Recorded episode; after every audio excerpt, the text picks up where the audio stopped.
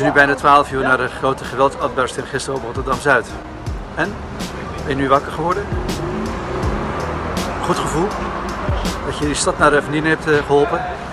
Dat je de ondernemers van je eigen stad schade hebt berokkend? Met een tevreden gevoel?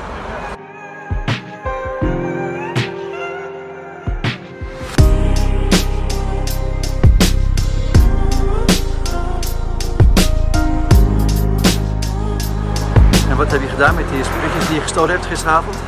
Van die zaken bij een juwelier of bij uh, een zeeman? Uh, voelt het goed om wakker te worden met een tas vol gestolen spullen naast je? Als mensen worden we dagelijks geconfronteerd met goed en met kwaad, met moreel en met immoreel gedrag. Dat is onderdeel van onze alledaagse menselijke ervaring. Deze week zagen we bijvoorbeeld in onder andere Rotterdam, maar ook in andere steden en andere plaatsen binnen Nederland, hoe er plunderingen uitbraken, hoe er sprake was van diefstal en van geweld tegen de politie, tegen andere mensen. En in de dagen die volgden zagen we hoe veel mensen dat gedrag categoriseerden als kwaad en slecht en verkeerd, verwerpelijk, immoreel gedrag. Daarbij zien we dat mensen niet zozeer zeggen dat ze het verkeerd vinden wat er is gebeurd, of dat ze het kwaad vinden, maar dat het verkeerd is en dat het kwaad is wat er is gebeurd. Veel mensen lijken daarmee in de praktijk van hun dagelijks leven het concept omarmd te hebben van absolute moraliteit, van objectieve, absolute morele standaarden. In deze video wil ik je laten zien dat het christelijk, het bijbels wereldbeeld inderdaad een basis biedt voor absolute moraliteit, voor absoluut goed en absoluut kwaad.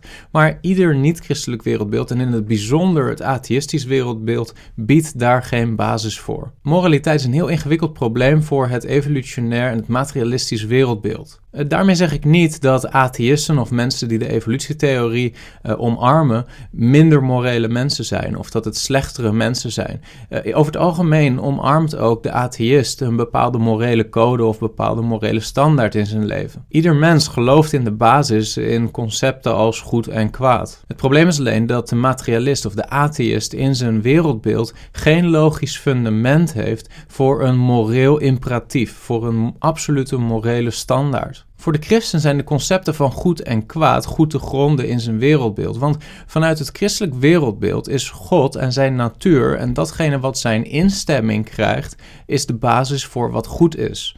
Goed is datgene wat in overeenstemming is met Gods natuur en wat zijn instemming krijgt. Terwijl kwaad datgene is wat ingaat tegen Gods natuur en wat dan ook niet zijn instemming krijgt. Daarbij leert de Bijbel dat God ons heeft gemaakt naar zijn beeld en naar zijn gelijkenis en dat hij daarmee ons een zekere kennis heeft gegeven van zijn morele standaard. Dat maakt dat we als mensen intuïtief uh, een gevoel hebben van wat goed is en wat kwaad is. Datgene wat past bij Gods karakter en wat in tegenstrijd is met Gods karakter. Over dit onderwerp van moraliteit komen we in Marcus 10, vers 17 en 18 een interessante woordenwisseling tegen van de Heer Jezus met een jonge man. Daar staat in vers 17 17, toen hij, dat wil zeggen toen de Heer Jezus naar buiten ging om op weg te gaan, snelde er iemand naar hem toe, viel voor hem op de knieën en vroeg hem: Goede meester, wat moet ik doen om het eeuwige leven te beërven? Vers 18: En Jezus zei tegen hem: Waarom noemt u mij goed? Niemand is goed behalve één, namelijk God. Nou is mijn punt niet zozeer om hiermee te laten zien dat de Heer Jezus niet God is, want dat is niet het punt van dit schriftgedeelte en dat is ook niet wat de Bijbel onderwijst. De Bijbel onderwijst wel degelijk dat de Heer Jezus goed is en dat de Heer Jezus God is. Maar dat is niet het punt van dit schriftgedeelte. Het punt is dat de Heer Jezus, deze uh, jonge man, een spiegel voorhoudt en eigenlijk hem afvraagt: hoe hanteer jij het concept goed? Heb je daar goed over nagedacht? En wat de Jezus laat zien is dat de absolute basis om invulling te geven aan het concept van goedheid ligt in wie God is. Niemand is goed behalve één, namelijk God. En daarmee geeft de Heer Jezus ook aan dat kwaad datgene is wat conflicteert, wat het tegenovergestelde is, wat niet in overeenstemming is met de natuur, met het karakter van God van de God die goed is. De Bijbel leert ook dat ieder mens uiteindelijk geoordeeld zal worden. Jij ook. Jij zult nadat je sterft op een dag staan voor de oordeelstroon van God en hij zal je leven leggen naast zijn volmaakte morele standaard. Als christenen geloven we ook dat de enige manier om aan het oordeel te ontsnappen wat we daarbij verdienen, is door ons geloof en vertrouwen te stellen op het volmaakte offer van de Heer Jezus Christus.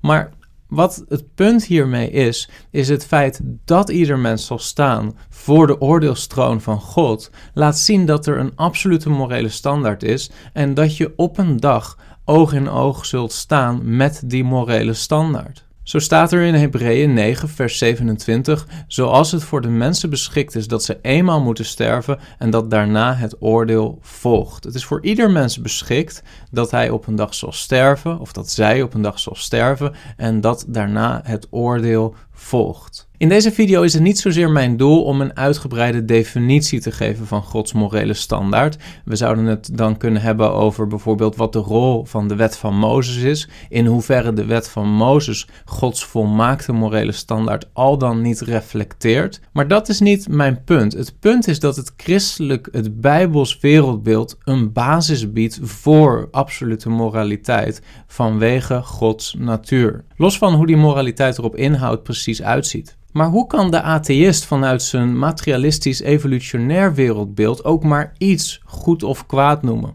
Wie bepaalt wat goed is of wat kwaad is? Wie geeft invulling aan die begrippen? In een op kans gebaseerd universum gebeuren dingen eenvoudigweg. Je kunt ze niet goed of kwaad noemen. Het zijn gewoon gebeurtenissen die op basis van kans voorkomen. En als mensen slechts biochemische ongelukken zijn op kans gebaseerde producten, eh, hoe kunnen dat soort biochemische ongelukjes dan morele verplichtingen hebben naar elkaar toe? Immers hebben chemische reacties geen keuze met betrekking tot hoe ze reageren. Ze, ze doen eenvoudigweg datgene wat de wetten van de natuur opdragen dat ze doen. En daarom kan een mens, als het simpelweg een biochemisch materialistisch ongelukje is, ook geen echte morele verplichting hebben om ook maar iets te doen. Als concepten als goed en kwaad betekenisvol zijn, dan kan het materialistisch, naturalistisch wereldbeeld eenvoudigweg niet waar zijn. Natuurlijk kan ook de atheïst een mening hebben over wat goed is en wat kwaad is, maar dan krijgt hij wel vervolgens te maken met twee problemen. Het eerste probleem is: wat gebeurt er als twee mensen het oneens zijn over wat de juiste morele standaard is? Wat als de ene persoon zegt dat abortus acceptabel is en goed,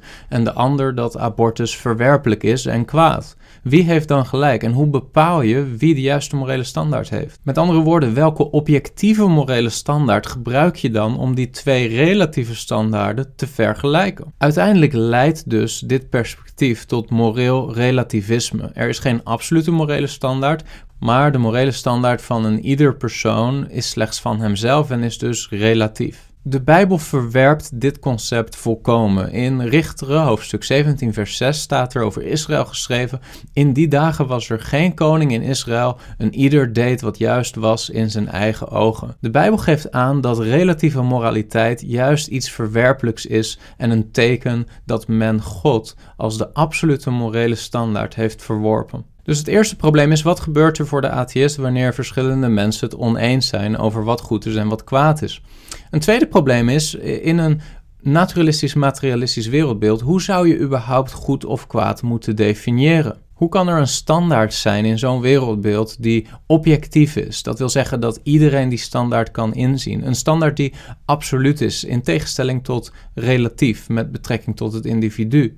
En een standaard die universeel is, in de zin dat die standaard overal en op iedereen van toepassing is. Moraliteit in een atheïstisch wereldbeeld kan nooit objectief, absoluut en universeel zijn, maar is in tegenstelling daartegen altijd subjectief, relatief en arbitrair. Sommige atheïsten zullen daarop reageren door te zeggen: dat klopt inderdaad, er is geen absolute morele standaard en dus zou je ook anderen jouw waarden niet moeten opleggen.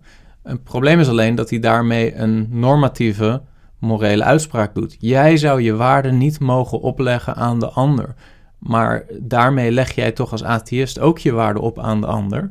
Daarmee zeg je toch dat in essentie het objectief verkeerd is wanneer de christen uh, zijn waarde meegeeft aan zijn kinderen. Dus relatieve moraliteit is altijd een positie die zichzelf weerlegt.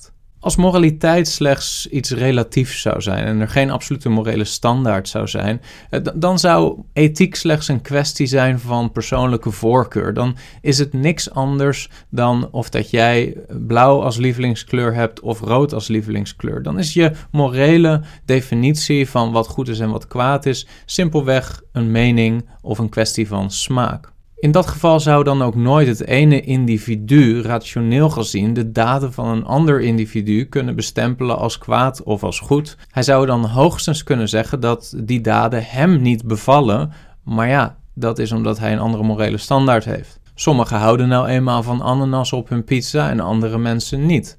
Het is een kwestie van smaak.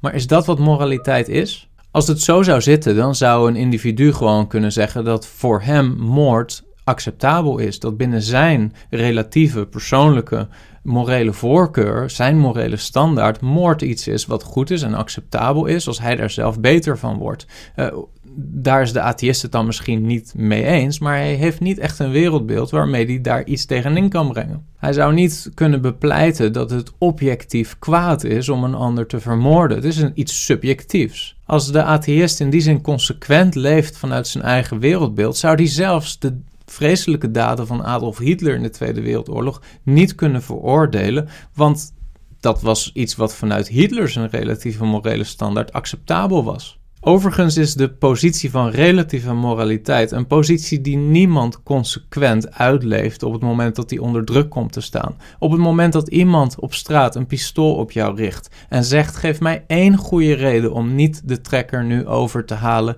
en een einde aan jouw leven te maken als ik ermee weg zou kunnen komen. Wat zou het antwoord dan zijn? Dan zou het antwoord van iedere atheïst en ieder persoon zijn dat het objectief kwaad is om zomaar een onschuldig iemand op straat dood te schieten. Moreel relativisme verdwijnt opeens wanneer er druk komt te staan op iemand en wanneer iemand wordt geprest om zijn eigenlijke geloofsovertuiging bloot te geven. Soms reageert de atheïst door te zeggen: Ja, maar wacht eens even, ik geloof niet dat God bestaat, maar ik geloof wel in een absolute morele standaard. Zie je, het geloof in God is niet nodig om toch een absolute morele standaard te hebben. Maar dat is een drogredenering. Niemand beweert dat geloof in God een noodzakelijke voorwaarde is om te geloven in absolute moraliteit of absolute moraliteit te gronden.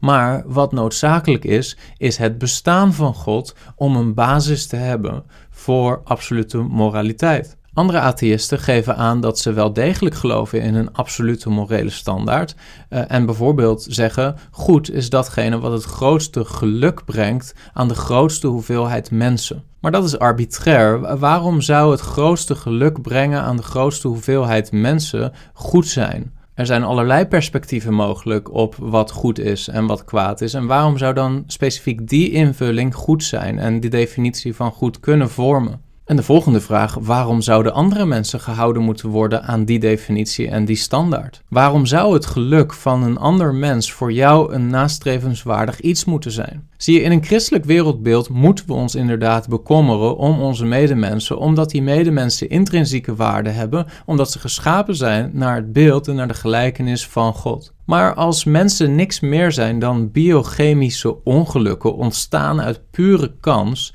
waarom zou dan het ene biochemische ongeluk een morele verplichting hebben om het geluk na te streven van het andere biochemische ongeluk? Soms zal de atheïst zeggen dat uh, moraliteit of een morele standaard is datgene wat de meerderheid van de mensen bepaalt dat de morele standaard zou moeten zijn.